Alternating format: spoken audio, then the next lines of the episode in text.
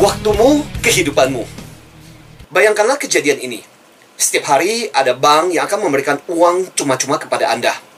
Uang itu harus dipakai, karena kalau tidak, uang itu akan hilang semuanya. Dan bayangkanlah kalau ternyata Anda diberikan uang sejumlah 86.400 dinar. Itulah mata uang yang tertinggi nilainya saat ini.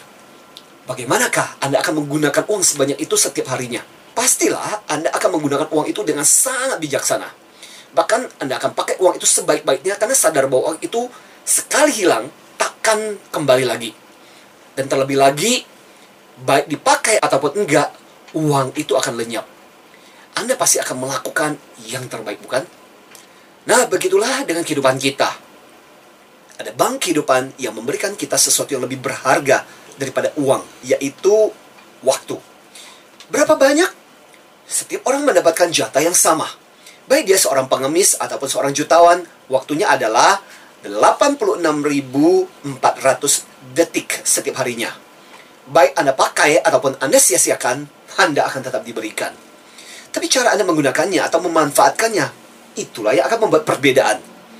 Makanya Benjamin Franklin, seorang negarawan Amerika yang terkemuka yang terkenal, mempunyai dua pertanyaan penting yang membuat hidupnya banyak menghasilkan hal-hal yang produktif. Setiap kali memulai hari, dia akan bertanya, apakah yang akan saya lakukan hari ini yang tidak akan membuat saya jadi sia-sia waktunya. Lantas pada malam hari sebelum dia tidur, dia akan bertanya lagi, bagaimanakah saya memanfaatkan waktu sehari ini? Apakah yang tidak efektif? Dan dengan pertanyaan yang kedua inilah, ia membuat waktu yang dia miliki menjadi sesuatu yang lebih berharga. Ingatlah, dalam pelajaran soal investasi memang ada empat hal yang sering kali kita bisa investasikan. Yaitu uang, hubungan, barang, atau kehidupan kita. Uang adalah ketika kita menabung untuk bisnis kita. Hubungan adalah ketika kita membangun hubungan yang baik. Barang adalah sesuatu yang kita simpan. Dengan harapan sesuatu itu akan bernilai tinggi esok juga tabungan kehidupan dengan cara beramal untuk tabungan di akhirat kita. Tapi ingatlah, semua investasi itu baru bisa kita lakukan kalau kita punya waktu. Inilah yang sering pula kita sebut sebagai PROI, PROI, Personal Return on Investment. Investasi personal yang paling berharga. Nah, pertanyaannya bagaimana Anda menggunakan waktu Anda selama ini? Efektif atau tidakkah? Mari kita selalu dan senantiasa mengingat pesan penting dari Benjamin Franklin soal waktu. Jangan pernah menyanyiakan waktu, sebab atas itulah semua kehidupan ini ada. Mari kita ambil contoh lah. Ada dua orang, ada Rudy sama Andi. Antara Rudy dengan Andi ini kemampuannya setara. Anggaplah ya, anggaplah malam itu mereka memutuskan tuh sama-sama tidur jam 10 dan keesokan harinya dong. Rudy dia memutuskan bangun sekitar jam 6. Bersiap-siap lantas pergi ke kantor lebih awal. Sambil berangkat ke kantor, Rudy mendengarkan radio program pengembangan diri sepanjang jalan. Sampai di kantor jam 8. Rudy masih punya kesempatan untuk bersiap-siap atas segala-segala meeting yang harus dilakukan. Dan sempat bertemu, ngobrol, membuat strategi dengan atasan pada jam 8.30 sebelum atasannya pergi untuk meeting jam 9. Bandingkan dengan Andi. Dia memutuskan tidur lebih lanjut sampai jam 6.45. Bersiap dengan cara kilat dong. Ngobrol. Ya. Dan akhirnya berangkat ke kantor. Andi sampai di kantor ini jam 8.30 kurang. Dan setelah itu, mengecek email, melakukan berbagai hal yang membuat hanya punya waktu sekitar 5 menit untuk ketemu atasan. Rudy jauh lebih bijaksana dalam penggunaan waktunya. Dan gak mengherankan juga akhirnya kemudian dalam perjalanan berikutnya, Rudy jauh lebih sukses. Jadi ada beberapa prinsip yang mesti kita pegang sih. Bahwa setiap yang hal yang kita lakukan, itu butuh waktu. Ya. Dan setiap hal yang kamu lakukan, itulah investasi waktumu. Misalnya, Anda bisa memutuskan pilihan Anda nonton TV atau mempersiapkan presentasi besok. Waktunya kan sama. Nah, kalau Anda memutuskan untuk nonton TV, Anda baru saja membuat investasi yang keliru, yang salah.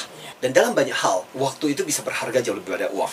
Tanyakan kepada orang-orang kaya yang dalam posisi sekarat, yaitu bersedia untuk membayar berapapun hanya untuk bisa mendapatkan waktu kembali. Uang yang hilang itu bisa dicari lagi, tapi waktu yang hilang lu nggak bisa dapatin kembali.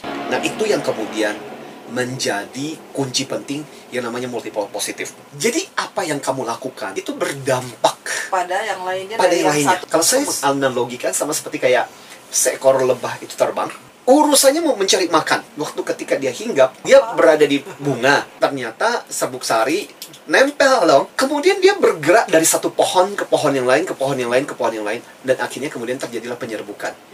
So, apa yang dilakukan kemudian berdampak. Atau misalnya contoh, besok weekend dong misalnya. Aku mau bangun lebih pagi ah.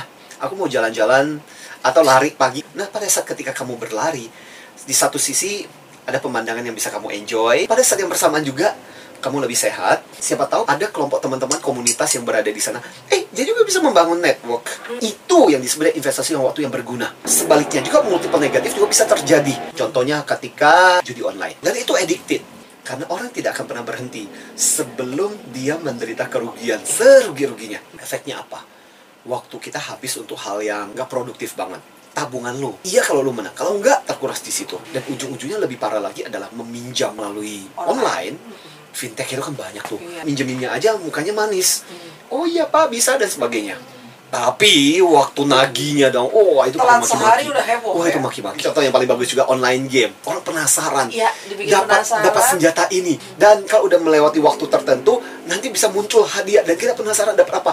Dan itu membuat kita terus menerus engage. Dampaknya apa? Mulai berefek kepada kesehatan, obesitas, ngemil sambil main game. Bisa juga dampaknya pelajaran dari keteteran. Waktu selesai game, udah capek, udah letih, udah PR-nya ngantuk. selesai. PR-nya Pekerjaan udah besok aja. Besok nggak bisa bangun karena udah kecapean. kecapean. Gara-gara satu Satu keputusan kita untuk aktivitas yang salah, ini berlipat gandanya kemudian menimbulkan masalah sampai ke mana-mana. Nah ini yang kita sebut sebagai multiple negatif. Makanya sebenarnya kalau kita bicara tentang rahasia manajemen waktu yang bagus, yang banyak dilakukan orang-orang sukses berhasil, yang kadang kita tidak ketahui adalah mereka ketika melakukan sesuatu selalu berpikir tentang multiple positif. Ingat loh, kapal karam karena kebocoran-kebocoran kecil. Saya sendiri pernah melakukan sebuah eksperimen dengan diri saya. Satu hari saya pilih dan saya mencoba untuk mendaftar dan menginventarisir sampai sedetil-detilnya. Jadi satu hari mulai saya bangun sampai saya pergi tidur, banyakkan waktu saya habiskan buat apa? Yang saya temukan adalah ini buat saya sendiri loh. Saya sendiri merasa saya sudah menggunakan waktu dengan seefektif mungkin. Ternyata banyak loh waktu-waktu yang kita pakai misalnya contoh minum teh, minum kopi, bengong, even termasuk menunggu. Dan even misalnya menggunakan gadget yang nggak jelas. Cuman swipe down, mau buka cari dan lagi, ini dan sebagainya, balik lagi baca dan sebagainya. Tahu-tahu waktu kita bisa habis satu dua jam loh. Tapi kalau diakumulasikan sebenarnya ini bisa menjadi waktu yang banyak banget. Kalau kita perhatikan mereka-mereka yang sukses berhasil, itu tidak terjadi dalam sekejap. Ada yang disebut dengan hukum 10.000 jam. Kamu mesti ngumpulin Iya. 10.000 jam untuk bisa menjadi expert yang luar biasa di bidang tersebut. Istilahnya adalah deliberately practice.